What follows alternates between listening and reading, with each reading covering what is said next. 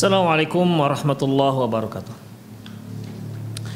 Innal hamdalillah nahmaduhu wa nasta'inuhu wa nastaghfiruh wa na'udzu billahi min shururi anfusina wa sayyiati a'malina may yahdihillahu fahuwal muhtad wa may yudlil falan tajida lahu waliyan mursyida.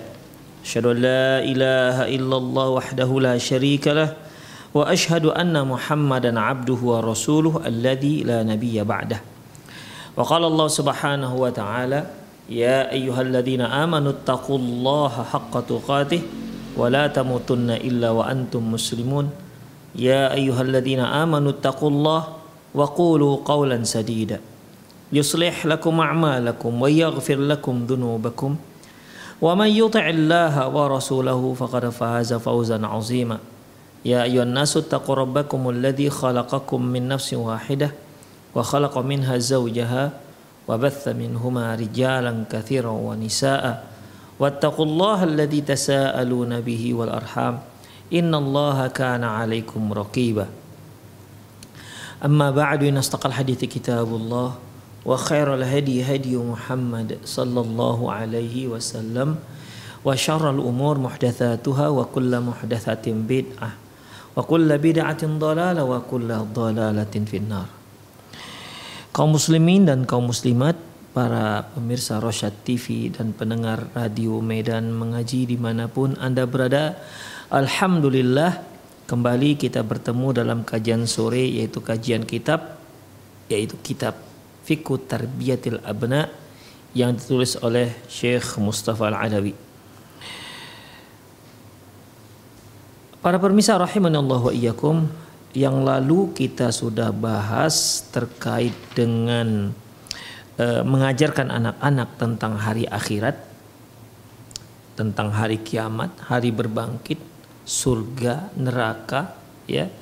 Kita ajarkan kepada mereka.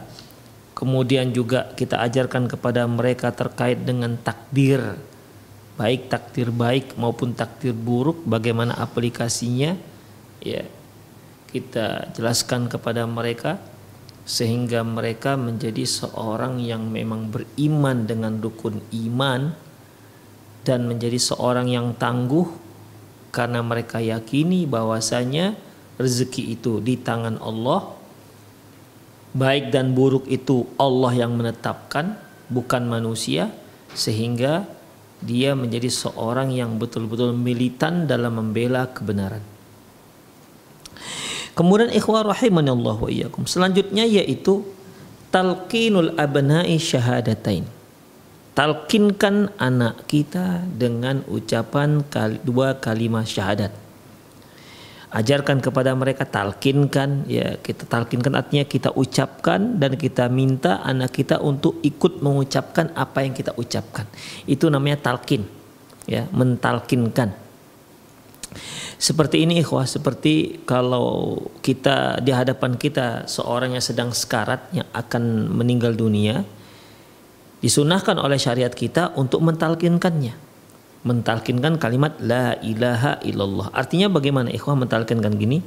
Sebagaimana uh, sabda Rasulullah sallallahu alaihi wasallam lakinu mautakum bila ilaha illallah. Talkinkan anak kalian dengan la ilaha illallah Artinya uh, lakinu mautakum bila ilaha illallah. Talkinkan mayat kalian dengan kalimat la ilaha illallah. Dengan artian apabila seorang yang mau meninggal dunia maka dia diminta untuk mengucapkan dua kalimat syahadat seperti yang kita ucapkan. Ya, seperti yang kita ucapkan Demikian juga itulah mana itulah makna daripada talqin. Demikian juga anak-anak kita yang mungkin mereka baru pandai bicara, ya coba talkinkan kepada mereka kalimat la ilaha illallah. Kemudian uh, kalau mereka sudah mulai bisa menalar, ya bisa apa bisa maha bisa memahami ucapan kita, maka ajarkan juga pada mereka apa makna kalimat la ilaha illallah itu? Demikian ikhwah. Ya. Uh, lakin abna akas syahadatain kata penulis. talkinkan anak-anak kalian kalimat dua kalimat syahadat yaitu la ilaha illallah Muhammad Rasulullah wa 'allimhum ma'naha ajarkan juga kepada mereka makna kalimat dua kalimat syahadat tersebut wa anna ma'na la ilaha illallah la ma'buda bihaqqin illallah. Bahwasanya makna la ilaha illallah adalah tidak ada Tuhan yang berhak disembah kecuali hanya Allah. Mengapa ini perlu ikhwah? Karena banyak banyak orang-orang yang orang-orang muslim dia mengucapkan la ilaha illallah tetapi dia tidak memahami makna kalimat la ilaha illallah mereka mengira bahwasanya kalimat la ilaha illallah yaitu tidak ada Tuhan selain Allah. Ini satu hal yang keliru ikhwah. Sementara makna Tuhan itu adalah segala hal, segala benda yang disembah manusia, Tuhanlah dia jadinya. Kalau ada manusia yang menyembah batu, maka batu itu menjadi Tuhan. Makna karena dia disembah, maka otomatis batu itu menjadi Tuhan. Ada yang menyembah pohon misalnya, maka pohon itu menjadi Tuhan dia. Demikian juga sebagaimana yang sudah kita jelaskan uh, pada zaman Nabi Ibrahim alaihissalam, di mana ketika dia berada di Babilonia, orang-orang Babilonia menyembah berhala, maka berhala-berhala patung-patung mereka itu Tuhan mereka. Kemudian ketika beliau pindah ke Syam, ke Palestina, ya daerah Palestina sekitarnya, di sana orang-orang menyembah benda-benda langit seperti bintang, bulan dan matahari. Maka bintang, bulan dan matahari itu menjadi Tuhan. Jadi segala segala benda, semua benda yang disembah, maka dia menjadi Tuhan orang yang menyembahnya. Jadi kalau dikatakan tidak ada Tuhan selain Allah itu keliru. Karena banyak Tuhan-Tuhan selain Allah, banyak benda yang disembah manusia selain Allah. Makanya kita berikan penjelasan yang simpel, yang singkat, yang mudah difahami. La ilaha illallah artinya tidak ada Tuhan yang berhak, tidak ada ilah yang berhak disembah kecuali hanya Allah Subhanahu wa taala. Ada Tuhan-Tuhan yang disembah, ada yang menyembah patung, ada yang menyembah berhala, menyembah batu, menyembah pohon, menyembah jin, Bahkan ada yang menyembah matahari, bulan, menyembah malaikat, ada yang menyembah manusia. Itu semua dikatakan Tuhan. Tapi Tuhan-Tuhan yang mereka jadikan sebagai Tuhan yang mereka sembah, ya, itu Tuhan yang tidak layak untuk disembah. Mereka tidak berhak sedikit pun menambah mendapat perlakuan untuk disembah. Karena yang berhak disembah itu hanya Allah Subhanahu wa taala. Jadi kalau ada seorang yang menyembah berhala misalnya, dia telah memberikan satu dia telah memberikan yang bukan hak si berhala itu. Berhala itu tidak berhak disembah. Ibaratnya begini, ikhwah rahimanallah wa iyyakum. Ya. Uh, seorang seorang apa namanya? Seorang suami mem, me, memberikan nafkahnya memberi, menafkahi misalnya uh, tetangganya. Ya menafkahi istri tetangganya. Sementara istrinya sendiri tidak dia nafkahi. Nah, ini kan salah. Nafkah itu hak istri bukan hak istri tetangga. Berarti kan kita katakan berarti dia telah salah memberikan hak. Dan ini zolim. Ya dan ini jelas sebuah kezoliman. Nah, sama Apabila ada orang yang menyembah matahari, maka matahari itu menjadi Tuhan. Tapi sebenarnya matahari itu tidak berhak untuk disembah.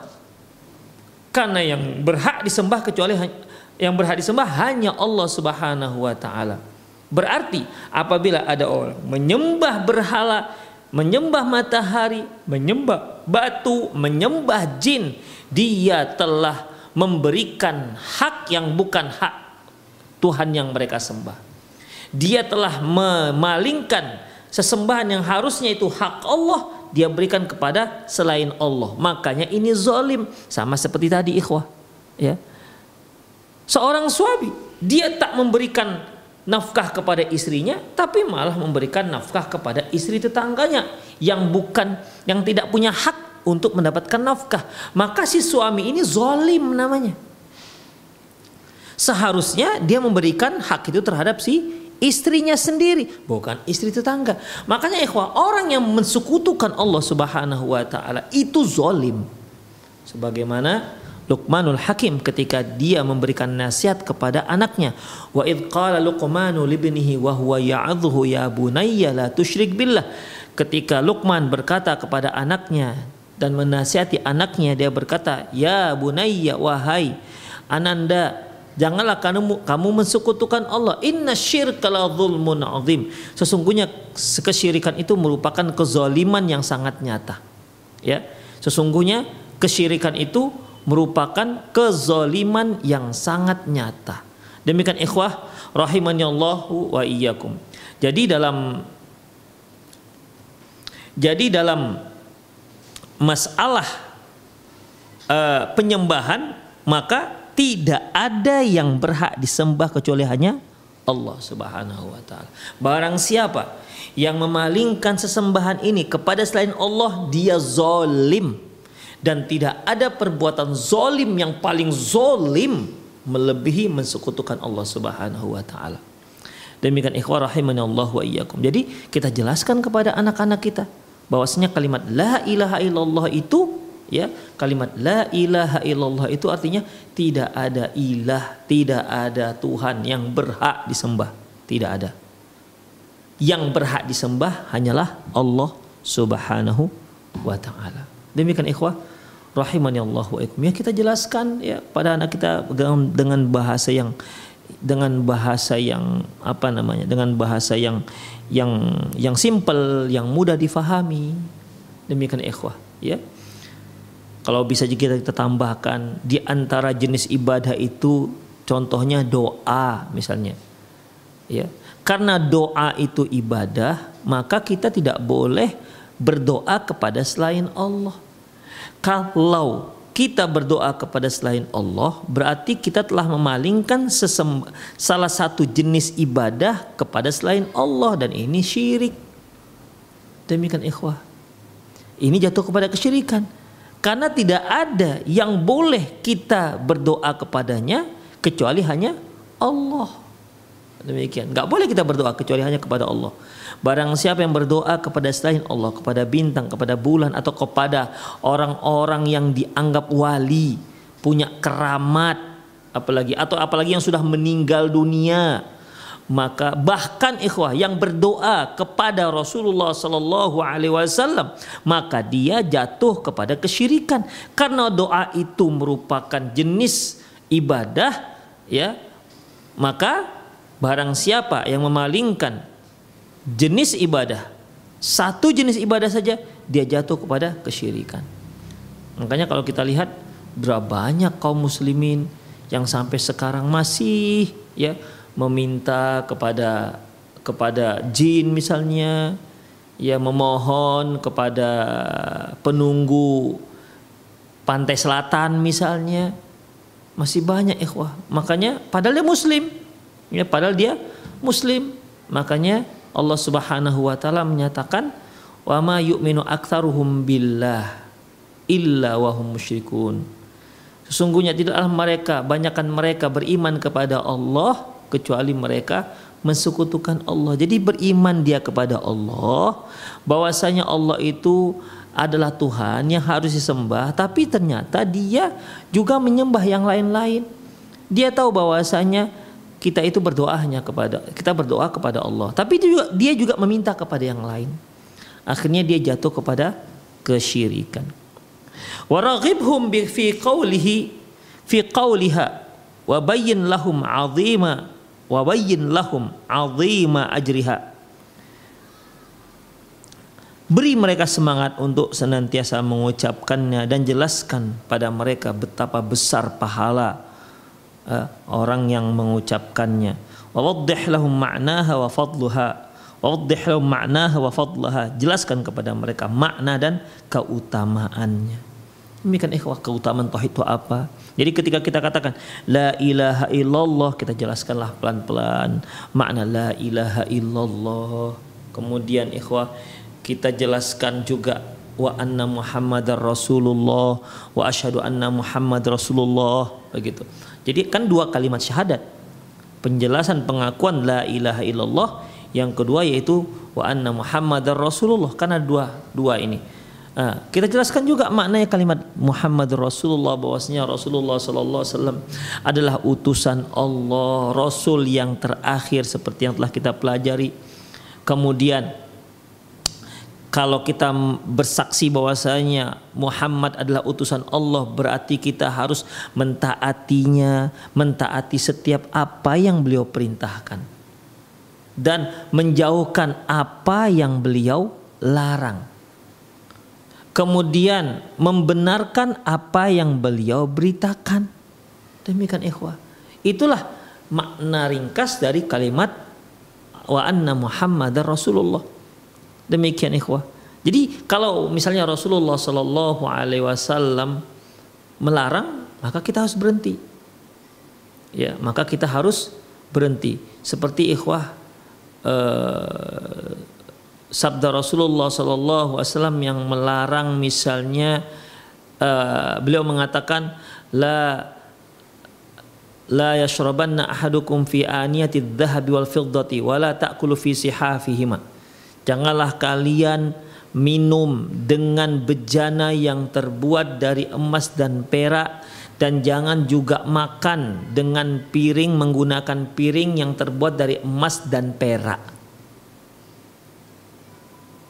Kemudian beliau juga mengatakan alladzi ya'kulu fi aniyati dhahabi wal fid fi aniyati dhahabi innama yujarjiru fi batnihi nar jahannam. Mereka-mereka yang mereka-mereka yang makan dengan bejana yang terbuat dari emas atau perak sama artinya dia sedang menyala-nyalakan api neraka dalam perutnya. Ini kan larangan ikhwah. Ya, larangan. Ya, maka harus dijauhi. Nah, demikian atau uh, terkait dengan makan misalnya. Sebagaimana sabda Rasulullah sallallahu alaihi wasallam la ya'kulanna ahadukum la ya'kulanna ahadukum bishimalihi wa la yashrabanna biha fa inna syaitan ya'kulu wa yashrabu biha. Janganlah salah seorang kalian makan dan makan dengan tangan kirinya karena sesungguhnya Janganlah salah seorang kalian makan dan minum dengan tangan kirinya karena setanlah yang makan dan minum dengan tangan kirinya. Itu kan larangan, ya. Itu larangan. Jadi ketika Rasulullah SAW melarang, maka kita harus hentikan. Ya, jangan kita jangan kita lakukan. Wa ma atakumur rasulu. Apa yang dibawa Rasul, silahkan kalian ambil. Wa manahakum anhu fantahu. Apa yang dilarang, segera kalian hentikan. Itulah makna kalimat wa anna Muhammadar Rasulullah. Kemudian berita-berita yang disampaikan Rasulullah Sallallahu Alaihi Wasallam kepada kita melalui hadis yang sahih, maka kita percayai, ya, maka kita percayai, kita imani, jangan sami'na, ya, sami'na, kemudian wa wa kami dengar dan kami durhakai, jangan ikhwah. Seharusnya yang kita lakukan sami'na wa amanna begitu. Kami dengar dan kami beriman. Ya terkadang ada berita-berita Rasulullah Shallallahu Alaihi Wasallam yang menurut nalar kita belum masuk, belum bisa kita nalar. Maka dalam masalah ini, jika kita belum bisa menalarnya, jangan hadisnya yang ditolak karena hadisnya sahih. Maka kitanya harus banyak merenung, banyak istighfar kepada Allah. Demikian ikhwah rahimanallahu wa Jangan hadisnya yang dicurigai. Demikian. Jadi kita jelaskan kepada mereka makna kalimat la ilaha illallah wa anna Muhammad Rasulullah. Jelaskan artinya bagaimana kita harus menjadi seorang muslim itu bagaimana.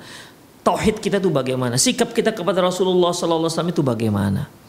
Demikian ikhwah Allah wa iyyakum. Ya. Kemudian selanjutnya al abna was salat. Salat dan anak-anak. Qala Nabi sallallahu alaihi wasallam, "Muru auladakum bis salati wa hum abna'u sab'i sinin." Ajarkan eh, perintahkan anak-anak kalian untuk salat wa hum abna'u sab'i sinin. Di saat mereka masih berusia tujuh tahun. Wadribuhum wa 'alaiha. Wadribuhum 'alaiha wa hum abna'u asyara. Wa farriqu bainahum fil madaji'. Dan pukul mereka di saat sudah usia 10 tahun. Artinya kalau mereka ya, kalau anak Anda sudah berusia 7 tahun suruh dia sholat. Ini sering kita ulang-ulang ikhwah. Ya. Dan sepertinya penulis juga sering mengulang-ulang masalah sholat. Suruh anak kalian untuk sholat jika usia mereka sudah sampai 7 tahun. Berarti orang tua wajib menyuruh anaknya untuk sholat. Walaupun anak belum wajib sholat ya, beliau kan mereka kan belum balik usia tujuh tahun. Umumnya anak-anak yang berusia tujuh tahun itu belum belum balik. Tapi dalam masalah ini orang tualah yang Allah tekan, orang tualah yang Allah perintahkan untuk menyuruh anaknya sholat. Kalau ada orang tua memiliki anak berusia tujuh tahun, tapi masih belum dia masih belum mereka suruh sholat maka orang tua itu berdosa. Ya. orang tua itu ber, berdosa. Karena dia tidak melakukan apa yang diperintahkan Rasulullah Sallallahu Alaihi Wasallam. Padahal dia mengatakan wa anna Muhammad Rasulullah. Sesungguhnya Muhammad adalah utusan Allah. Terus kenapa dia tidak mau melakukannya? Kemudian wadribu alaiha wa fi dan pukul mereka. Pukul mereka di saat mereka sudah berusia 10 tahun. Itu ikhwah. Jadi kalau anak kita berusia 10 tahun belum juga sholat maka dipukul. Boleh dipukul dengan ketentuan yang berlaku ya. Kemudian wafarriqu bainahum fil madaji dan pisah-pisahkan tempat tidur mereka. Ini sebagaimana sudah pernah kita bahas. Wa qala ta'ala wa'mur ahlaka bis salati wastabir 'alaiha Surat Toha ayat 132. Allah berfirman, suruh keluargamu untuk sholat, mengerjakan sholat, wastabir alaiha dan bersabarlah atasnya. Artinya ketika kita sholat itu perlu juga sabar ikhwah. Ya, perlu sabar. Kita menyuruh anak kita sholat supaya kita sabar. Kita melaksanakan sholat juga kita harus sabar. Demikian. Berapa banyak orang yang laksanakan sholat tapi tak sabar. Akhirnya sholat yang dia lakukan bagaikan sholat patuk ayam. Kalau ada seorang yang sholatnya bagikan sholat patuk ayam maka sholatnya tak sah karena nggak ada tomak nina. Ada seorang sahabat uh, masuk masjid Nabawi waktu itu Rasulullah bersama para sahabat yang lain. Dia masuk kemudian dia sholat dua rakaat. Setelah sholat dua rakaat dia mendekat kepada Nabi dan mengucapkan assalamualaikum. Rasulullah katakan waalaikumsalam warahmatullahi wabarakatuh. Irji fasalli fa innaka lam tusalli. Kata Rasulullah, coba kamu ulangi salat tadi karena sebenarnya kamu belum salat. Akhirnya sahabat tadi balik ke tempatnya dan salat lagi dua rakaat. Setelah salat dua rakaat datang lagi, ya. Kembali Rasulullah katakan irji fasalli fa innaka lam tusalli. Ulangi salatmu, kamu belum salat. Sampai tiga kali. Setelah sholat yang ketiga, dia katakan, Ya Rasulullah, lam ohsin ghairuha. Ya Rasulullah, aku tidak tahu untuk sholat yang lebih baik daripada itu. Lantas Rasulullah Sallallahu Alaihi ajarkan kepada si, pada kepada sahabat ini bagaimana tata cara sholat, di mana sholat itu ada tomak ninanya, tenangnya. Demikian kita harus sabar ketika sholat, ikhwah. Jangan mau cepat-cepat sholat, ya. jangan mau segera cepat sholatnya Salat zuhur dua rakaat dia sikat dua menit selesai. Naudzubillah min dzalik. Gimana salatnya ikhwah? Bahkan yang sebagaimana yang masyur ada yang salat 23 rakaat selamanya hanya 7 menit. Yang kalau yang kalau kita lihat apa yang mereka lakukan itu bukan sholat sudah ikhwah. Dan tak sah sholat seperti ini. Nggak ada tomak ninahnya. Apalagi kita di Indonesia ini mazhab Imam Syafi'i. Imam Syafi'i mengatakan sholat harus ada tomak nina. Yang nggak ada tomak nina dalam sholatnya maka sholatnya tak sah batal. Demikian ikhwah. Makanya wastabir alaiha ya. Wastabir alaiha. Bersabarlah melaksanakan sholat. Mereka yang baru-baru sholat, mereka harus bangun pagi-pagi hari. Biasanya sebelum dia hijrah, dia bangun tidurnya malam itu, bangun tidurnya itu jam 10. Kali ini ketika dia hijrah, dia harus sholat subuh dengan berat dia bangun untuk melaksanakan sholat subuh. Fastabir alaiha. Maka sabar. Demikian ikhwah. Pergi ke masjid misalnya. Kalau dan ikut bersama imam Eh, imam baca ayat yang agak panjang. Sebenarnya juga nggak begitu panjang. Yang dia baca hanya surat apa namanya An-Naba tambah dengan surat yang lagi misalnya. Ya, tidak begitu panjang sebenarnya. Tetapi karena biasanya kalau dia sholat sendiri tak lepas dari empat surat inna a'toina kullallahu wahad kulabil falak kulabin nas hanya itu ketika dia ikut imam imam baca surat an-naba yang hanya satu halaman setengah dia merasa lama maka ingat ayat ini wastabir alaiya sabarlah kamu dalam melaksanakan sholat tersebut tetap tomak nina jangan asal baca ya jangan Jangan asal baca. Demikian ikhwah rahimanallah wa iyyakum. Perintahkan anak kalian salat, perintahkan keluarga kalian salat wastabir 'alaiha dan sabar dalam melaksanakan salat. Qala subhanahu wadhkur fil kitab Ismail. Allah mengatakan, coba kalian ingat dalam kitab tentang kisah Ismail. Innahu kana sadiqal wa'di. Sesungguhnya dia orang yang menepati janji wa kana rasulan nabiyya dan beliau adalah seorang nabi dan rasul. Wa kana ya'muru ahlahu bis salati waz zakah dan beliau orang yang menyuruh keluarganya untuk melaksanakan salat dan membayar zakat. Wa kana 'inda rabbih mardiyya dan beliau adalah orang yang mendapatkan ridha dari Allah Subhanahu wa taala. Maryam ayat 54 sampai 55 coba perhatikan ikhwah Nabi Ismail diperintahkan oleh Allah Subhanahu wa taala untuk menyuruh keluarganya agar melaksanakan sholat dan membayar zakat. Jadi zakat itu sudah ada, sholat sudah ada sebelum sebelum zaman Rasulullah Sallallahu Alaihi Wasallam sudah ada sebelumnya ikhwah Allah wa yakum. Ya. Kemudian Qala Luqman ibni Luqman berkata kepada anaknya, Ya bunayya aqimis salah. Wahai ananda. Ya bunayya. Panggilan lembut untuk seorang anak dalam bahasa Arab. Ya bunayya. Wahai ananda. Aqimis salah. Tegakkanlah solat. Kemudian wa'mur bil urf. Wa'mur bil ma'ruf. Perintahkanlah orang-orang untuk berbuat baik. Wanha anil mungkar dan cegah mereka dari perbuatan mungkar. Wasbir ala ma asabak dan sabarlah kalian atas apa yang menimpa kalian. Jadi di sini ikhwah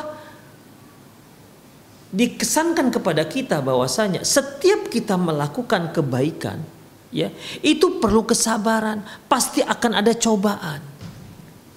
Ingat kisah yang telah kita kisahkan tentang uh, setan dan manusia di mana setan telah menjadikan manusia sebagai musuh bebuyutannya sampai hari kiamat dia hanya minta satu permintaan yaitu ditangguhkan usianya. Hingga hari kiamat tujuannya hanya satu untuk menyesatkan umat manusia sebanyak-banyaknya. Demikian ikhwah. Ya jadi setan itu setan itu tidak akan membiarkan kita. Setan tidak akan membiarkan kita untuk berbuat baik sekecil apa pun. Demikian ikhwah Ya, jadi setiap orang berbuat baik itu pasti akan ada cobaan, minimal godaan yang dibisiki oleh syaitan. Ya, misalnya dia mau sholat, terdengarlah suara, Hayya ala sholat. Sementara lagi main WA ini, update status. Dah, nantilah, nantilah, nantilah, nantilah. Sudah komat. Allahu Akbar, Allahu Akbar. Asyhadu la ilaha. أشهد أن محمد رسول الله حي على الصلاة حي على الفلاح nantilah masih bisa demikian ikhwah sudah komat masih nantilah sudah rakaat pertama masih nantilah akhirnya dia datang ke masjid dalam keadaan orang yang masbuk terlambat ya selalu masuk dalam sholat kalau tidak di rakaat ketiga, rakaat keempat. Bukan dia tak sempat, tapi karena melalaikan nantilah ke nantilah. Seharusnya kita sabar, ya. Seharusnya kita Sabar, sabar itu ikhwah kan ada tiga. Sabar dalam menghadapi takdir Allah. Ya. Sabar dalam menahan diri agar tidak berbuat maksiat. Sabar di atas ke, uh, amalan soleh. Sabar dalam melakukan kebaikan. Jadi dalam melakukan kebaikan itu juga perlu sabar. Demikian ikhwah. Ya. Demikian juga jangan sampai kita melakukan kemaksiatan. Itu sabar, menyabarkan diri kita. Jangan sampai melakukan kemaksiatan. Demikian ikhwah. Ya jadi berapa banyak kita lihat orang yang meyakini bahwasanya sholat di masjid itu wajib, tapi sering masbuk. Ya sering masbuk, terlambat setiap hari. Lima kali waktu sehari semalam, lima kali terlambat Demikian selalu berada di saf paling belakang. Seandainya saf sudah penuh, tinggal saf anak-anak, dialah yang bersama anak-anak. Seharusnya kita ikhwah rahimanallah wa iyyakum mastabir alaiha, sabar. Kita dengan salat, sabar kita harus apa namanya tinggalkan aktivitas kita. Demikian ikhwah rahimanallah wa iyyakum. Ya. Wasbir ala ma asabak Bersabarlah kamu atas apa yang menimpamu. Apalagi terkait dengan menyuruh berbuat baik dan melarang berbuat mungkar. Ini bukan mudah, ikhwah. Kalau sholat itu masih kaitan dengan pribadi kita. Ya, sholat masih kaitan pribadi kita.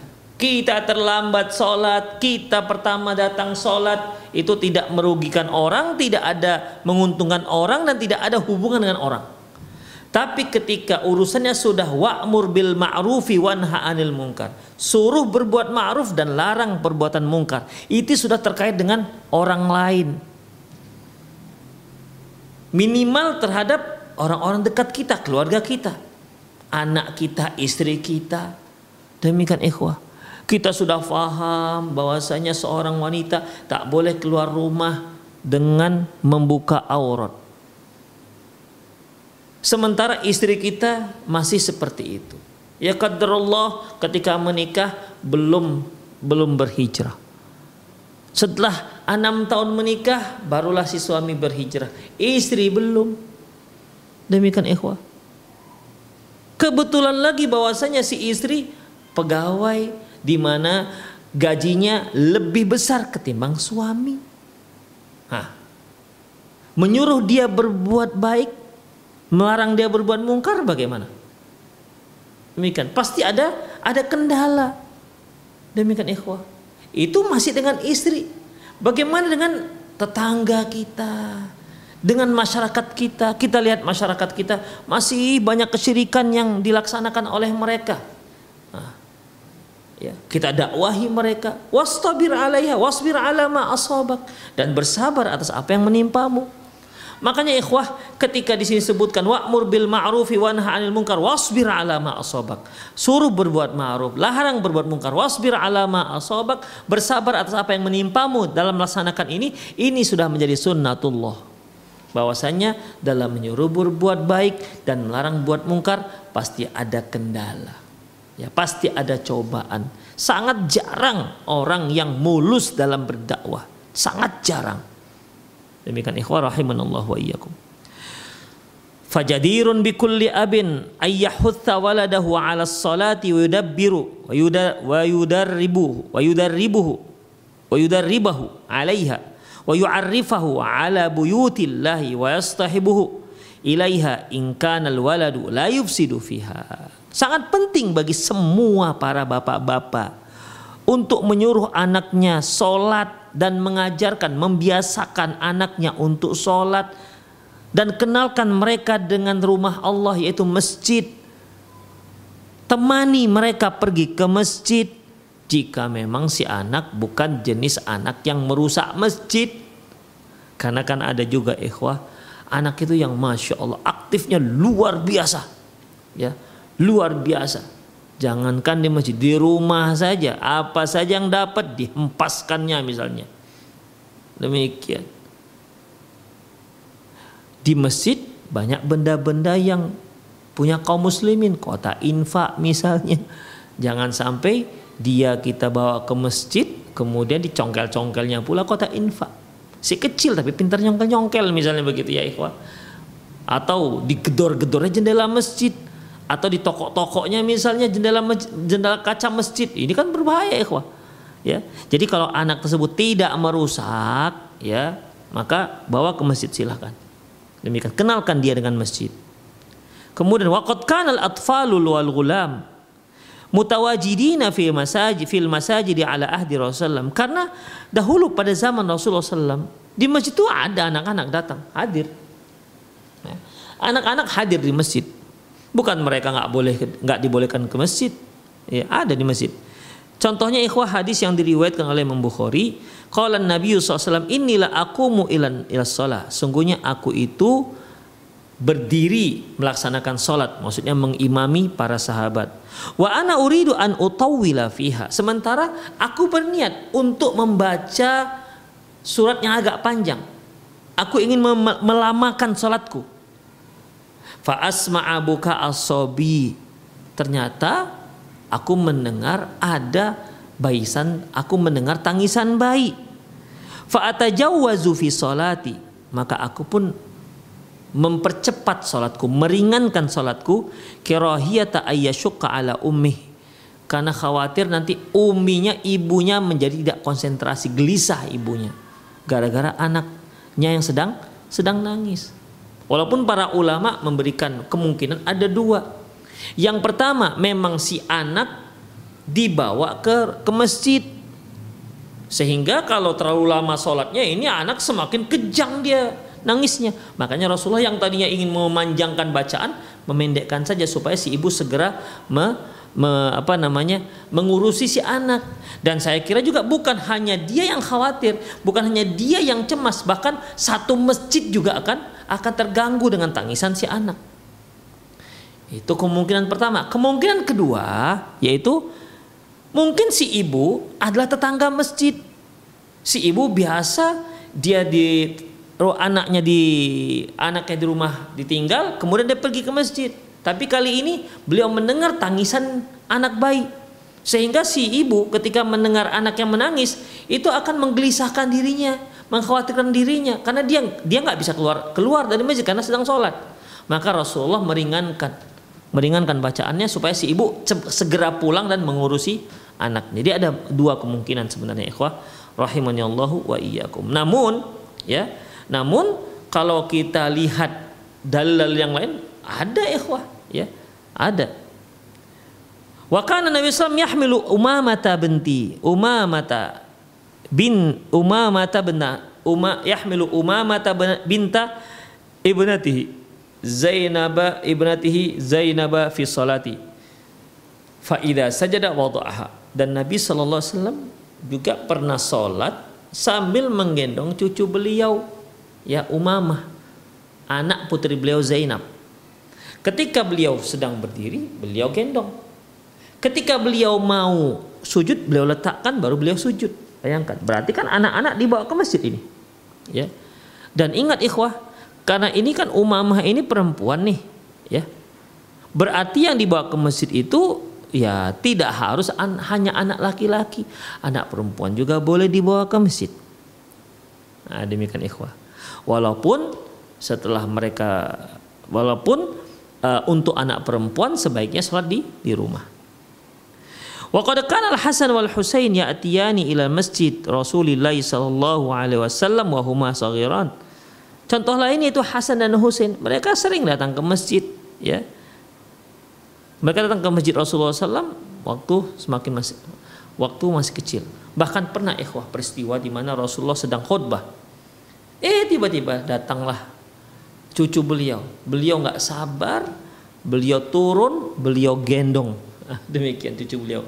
Ini menunjukkan betapa Rasulullah itu sangat sayang dengan anak-anak bukan hanya cucu beliau kandung tapi juga anak-anak para sahabat dan dan apa namanya sungguh sangat mengagumkan lagi anak-anak itu pun sayang dengan Rasulullah makanya kan sering ada apa namanya kisah sahabat datang bersama anaknya anaknya langsung duduk di pangkuan Rasulullah SAW terkadang juga Rasulullah yang memangku anaknya terkadang ketika sedang dipangku malah dia ompoli Rasulullah SAW nggak apa-apa Rasulullah. Jadi ikhwah, begitulah seorang Rasul. yang bukan hanya yang mencintai beliau itu bukan hanya orang-orang dewasa, tapi juga anak-anak, ya, bahkan anak-anak yang baru usia sangat dini sayang dengan Rasulullah Sallallahu Alaihi Wasallam. Kenapa? Karena beliau menyayangi mereka. Demikian ikhwah. Rahimanallah wa iyyakum. Ya. Uh, pernah juga Rasulullah Sallallahu Alaihi Wasallam membawa Hasan atau Husain, kemudian beliau letakkan di samping beliau, Beliau pun sholat. Ketika beliau sujud, Hasannya naik atau Husainnya naik ke punggung beliau. Demikian ikhwah. Pernah satu ketika, ketika Rasulullah Wasallam membawa Hasan atau Husain dan sholat berjamaah, beliau sujud. Kali ini sujud yang lamanya luar biasa. Ya, ada seorang sahabat yang merasa muncul tanya-tanya, kenapa Rasulullah kok lama sekali sholatnya, lama sekali sujudnya, nggak seperti biasa Lantas dia angkat kepalanya. Oh, barulah dia tahu bahwasanya ternyata Rasulullah SAW sedang di, dinaiki oleh cucu beliau. Lantas dia kembali sujud. Ada pun sahabat-sahabat lain e, berpikir, oh ini mungkin wahyu sedang turun. Demikian. Setelah selesai sholat, para sahabat yang nggak tahu ceritanya bertanya, ya Rasulullah tadi kenapa? Kok lama sekali? Apakah wahyu turun? Kata Rasulullah, enggak. Tidak ada wahyu turun.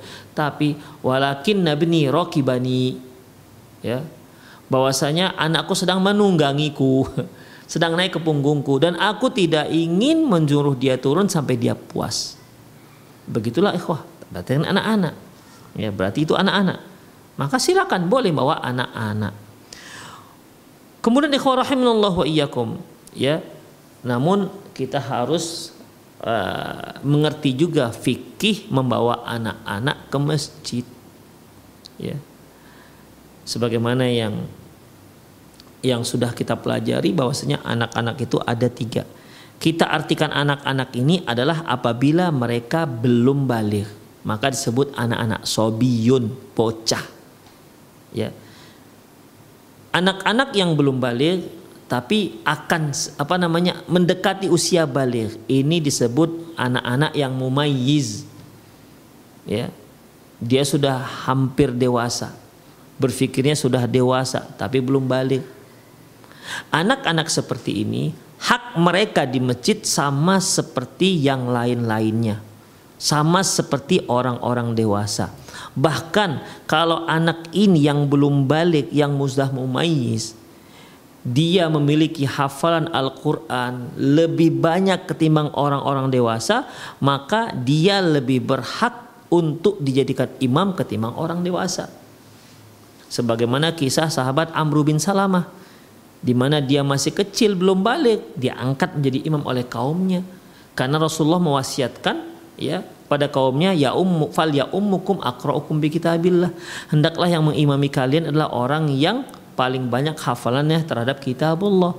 Dicari-cari ternyata tidak ada yang lebih banyak hafalannya selain Amr bin Salamah. Sementara dia belum balik, maka dia pun dikedepankan oleh kaumnya menjadi imam kaumnya. Demikian ikhwan. Jadi tidak. Jadi eh, anak-anak yang belum balik jika dia sudah mulai dewasa cara berpikirnya ya sudah mulai besar sudah besar dalam pikirnya tapi dia belum balik maka hak dia sama seperti orang dewasa boleh jadi imam ya kalau dia sudah menempati sah pertama tidak boleh kita geser-geser demikian ikhwah rahimanallah wa iyyakum ya yang kedua anak-anak yang belum bisa sholat tapi sudah tertib. Belum bisa sholat, tapi sudah tertib. Demikian. Anak-anak seperti ini, ya anak-anak seperti ini boleh dibawa ke masjid. Anak-anak seperti ini dianjurkan untuk dibawa ke masjid.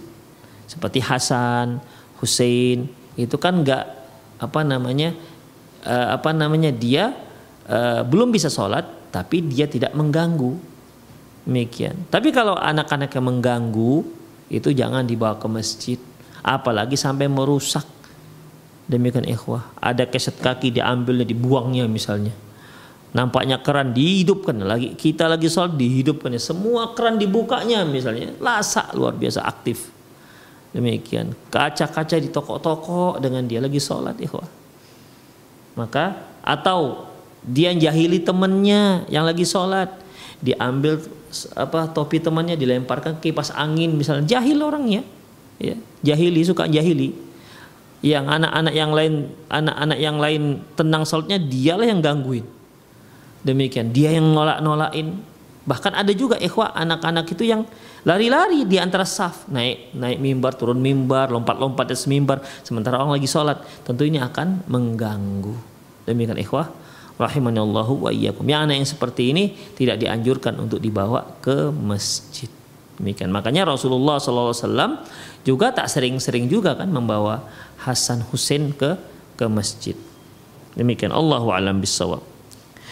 Wa yu'allimhum wa liyu'allimu eh uh, kemudian wa ammal hadis jannibu masajidakum sibyanakum wa majaninakum adapun hadis di mana Rasulullah mengatakan jauhilah masjid kalian, jauhkanlah anak-anak dan orang-orang gila dari dari masjid kalian.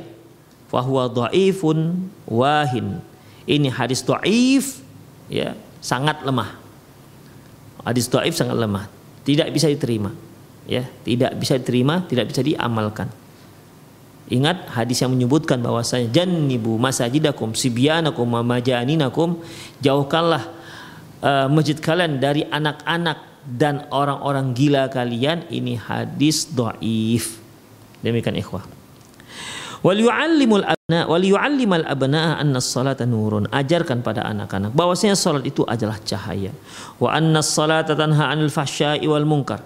Dan salat itu dapat mencegah seorang dari perbuatan keji dan mungkar wa anna salata min arkanil islam wa annaha amududdin wa anna salatal anna salatal khams tukaffiru ma bainaha minadz-dzunub dan salat yang lima waktu itu dapat menghapuskan dosa dos, dapat menghapuskan dosa-dosa yang terjadi di antara salat tersebut misalnya ikhwah seorang salat zuhur kemudian kita ambil zuhur itu jam setengah jam 12 lewat 15 kalau waktu zuhur sekarang di Medan misalnya. Jam 3 qadarullah, jam 3 dia buat maksiat, buat dosa.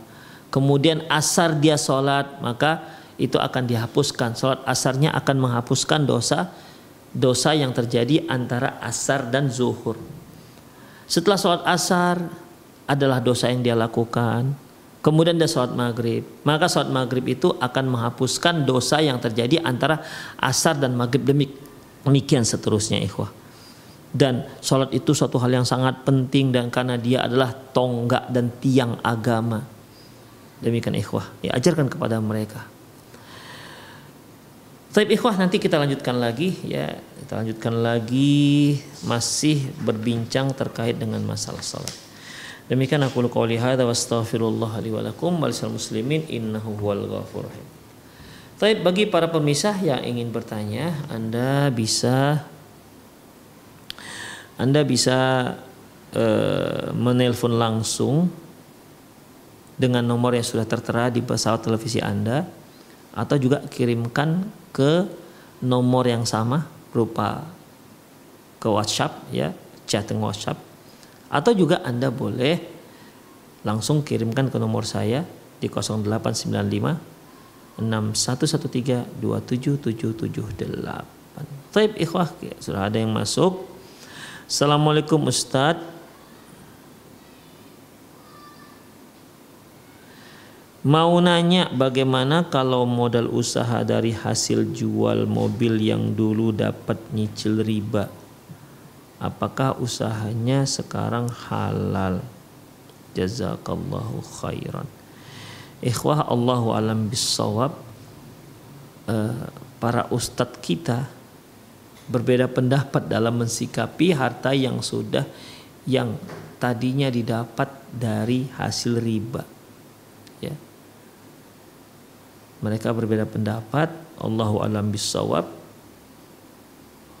kalau terkait dengan riba Allah Subhanahu wa taala mengatakan walakum ru'usu amwalikum la tadlimuna wa la tuzlamun kamu ambil hartamu yang hartamu yang bersih la tadlimun kamu jangan sampai menzolimi orang dengan mengambil ribanya wala tutlamun. Dan jangan kamu juga sampai jangan kamu juga jangan sampai terzolimi dengan mengurangi harta yang asal yang kamu miliki. Demikian ikhwah. Ah itu kalau kita sedang riba. Ah, ini masalahnya sudah sudah melakukannya. Allahu alam bisawab ya Allahu alam bisawab mengenai ini. Semoga Allah Subhanahu wa taala memaafkan Semoga Allah Subhanahu wa taala memaafkan yang sudah lalu ya sudah.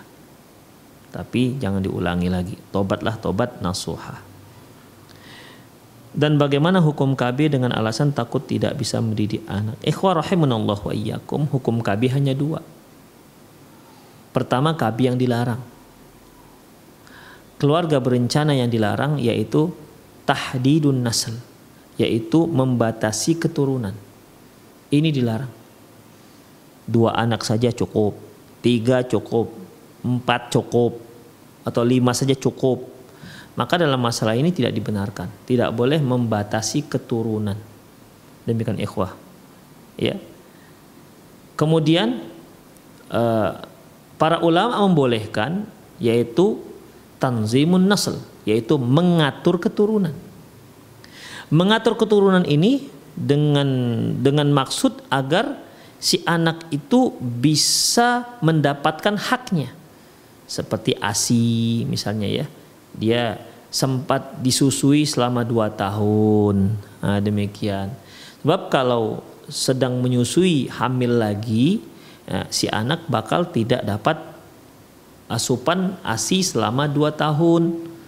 Padahal eh, Allah Subhanahu wa taala mengatakan Eh, wal walidat yurdi'na auladahunna haulaini kamilaini liman arada ayyutimma radha'ah.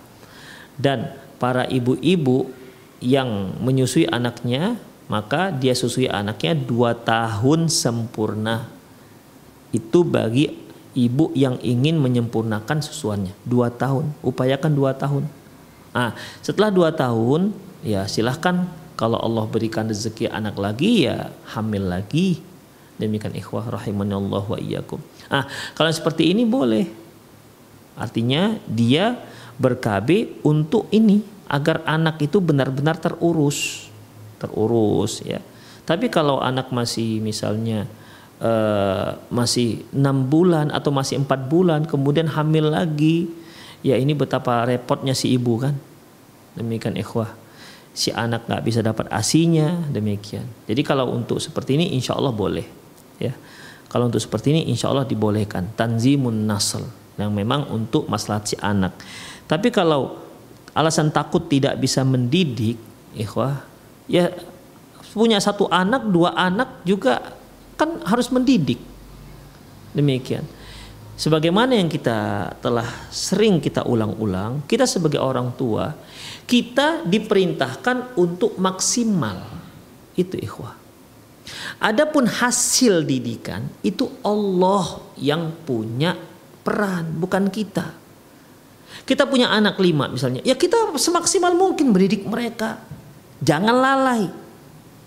Demikian ikhwah, semaksimal mungkin apa yang kita bisa kita didik.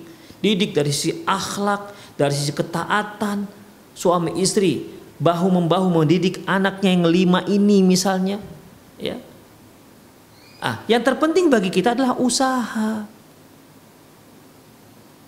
Bukan hasil. Hasil itu ada di tangan Allah. Al-hadi wallah. Pemberi petunjuk itu adalah Allah Subhanahu wa taala. Apakah kalau kita punya anak kita jamin bahwa anak kita pasti menjadi seorang anak yang soleh dan soleha? Siapa yang menjamin? Siapa yang menjamin?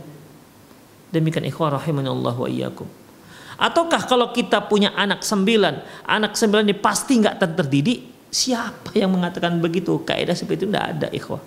Makanya ikhwah rahimahullah wa iyyakum ada kita lihat anaknya tujuh, masya Allah ketujuh tujuh ini masya Allah membantu ibunya, membantu orang tuanya, sayang pada anaknya, mudah diatur. Demikian. Ada yang punya anak dua tapi masya Allah kalau orang orang Arab bilang setan begitu kira-kira syarir. Demikian aktif luar biasa, rusak sana, rusak sini. Padahal anak cuma dua. Tapi tidak bisa diatur. Ketika remaja sudah terlibat narkoba. Demikian ikhwah. Jadi uh, mengenai mendidik anak, ingat ikhwah, mengenai mendidik anak, kita tidak dituntut hasil. Kita bercita-cita hasilnya baik. Itu cita-cita kita. Tapi pastikah belum tentu. Makanya Allah Subhanahu wa taala akan menilai kita dari upaya semaksimal kita, upaya kita yang semaksimal mungkin dalam mendidik anak agar mereka menjadi anak yang soleh dan solehah. Allahu alam bisawab. Jadi bukan dengan kabi ya solusinya, bukan dengan kabi. Bismillah, izin bertanya Ustadz, apakah anak umur lima, lima, lima setengah tahun boleh diperintah untuk sholat bila anak tidak mau sholat? Apakah dibiarkan saja atau boleh juga setengah dipaksa untuk sholat? Ikhwah iyyakum yang diperintahkan itu tujuh tahun. Ya, diperintahkan tujuh tahun. Ya dipaksa dia untuk sholat, begitu, dipaksa. Kalau dia masih lima tahun, lima setengah tahun ya diajak-ajak aja, yuk nak, yuk nak, dikasih dia, apalah pokoknya tidak apa-apa ya. Saya diajak. Ketika dia nggak mau, sibuk main dia udah tinggal. Tapi kita tetap ajak kan, demikian ikhwah. Ketika dia sibuk dengan mainannya, eh nanti ayah belikan permen, yuk, yuk sholat yuk, misalnya boleh silakan. Ya, tapi kalau memaksa jangan, karena usia belum sampai. Demikian, boleh ikhwah ya. Dan tidak usah pakai setengah-setengah paksa juga. Diajak saja diajak. Ya tidak usah pakai setengah-setengah paksa. Menyuruhnya sholat silahkan tidak apa-apa. Tapi bukan memaksa. Afan Ustaz mau bertanya anak laki-laki anak umur 4,5 tahun 4,5 tahun suka ikut sholat berjamaah di masjid. Dan kalau tidak dibawa kadang-kadang suka nangis. Jadi bagaimana solusinya? Yang paling afdol ya Ustadz dibawa anak cuma anak dapat saf ujung atau anak sholat ke masjid tidak bawa anak tapi saf di belakang imam. Jazakumullah khairan. Ah tinggal anda uh, anak yang empat setengah tahun ini, ini bagaimana? Dia sudah bisa sholat atau belum kan ada anak TK dia sudah bisa sholat. Allahu Akbar dia hafal Al-Fatihah. Demikian bisa dia sholat. Anak seperti ini ikut aja bersama anda taruh di samping anda. Karena dia sudah bisa sholat. Ya. Karena dia sudah bisa sholat. Kalau dia belum bisa sholat, jangan jangan dia anda letak di di tengah saf orang dewasa, biarkan dia di belakang bersama bersama bersama anak-anak yang lain, bersama anak-anak lainnya yang juga bisa sholat, yang juga bisa sol, yang juga sudah bisa tertib sholatnya, demikian. Tertib di sini tapi belum bisa sholat. Dia hanya pokoknya dia diri aja, tengok kiri, tengok kanan, begitu kan. Tapi dia nggak nganggu dia sibuk dengan dirinya. Kadang-kadang dia duduk kadang-kadang dia keluar dari sub sub mereka ya pergi kemudian balik lagi. Tapi dia nggak nggak banyak mengganggu nggak teriak-teriak tidak lari-lari di saf-saf orang tua nggak begitu. Nggak apa namanya nggak merusak masjid. Nah, demikian anak kalau memang anak seperti ini dia di belakang bersama bersama anak-anak yang lain. Demikian. Tapi kalau di anak ini sudah bisa sholat anda di mana? Anda di pertama letakkan di samping anda. Demikian ikhwah. Ya jangan catatan dia sudah bisa sholat. Demikian ikhwah. Ya empat setengah tahun nih insya Allah kalau diajarkan dari kecil insya Allah udah bisa sholat. Demikian. Tertib udah bisa dia Allahu Akbar. Dia sudah bisa baca al-fatihah ruku dia tuh tidak dia sujud dia sama seperti orang dewasa demikian ya maka boleh dia anda letakkan di samping anda walaupun dia belum belum balik demikian ikhwah rahimani Allah wa iyyakum Allahu alam bisawab. Tapi kalau seandainya dia belum bisa sholat dan udah bisa tertib, bawa. Ya. Kalau dia ternyata memang malah membuat kericuhan, keributan di masjid, jangan dibawa. Bismillah Ustaz izin bertanya, apakah halal uang hasil dari rental mobil yang masih kredit riba? Dan dan jika ingin infakkan ke manakah yang boleh Ustadz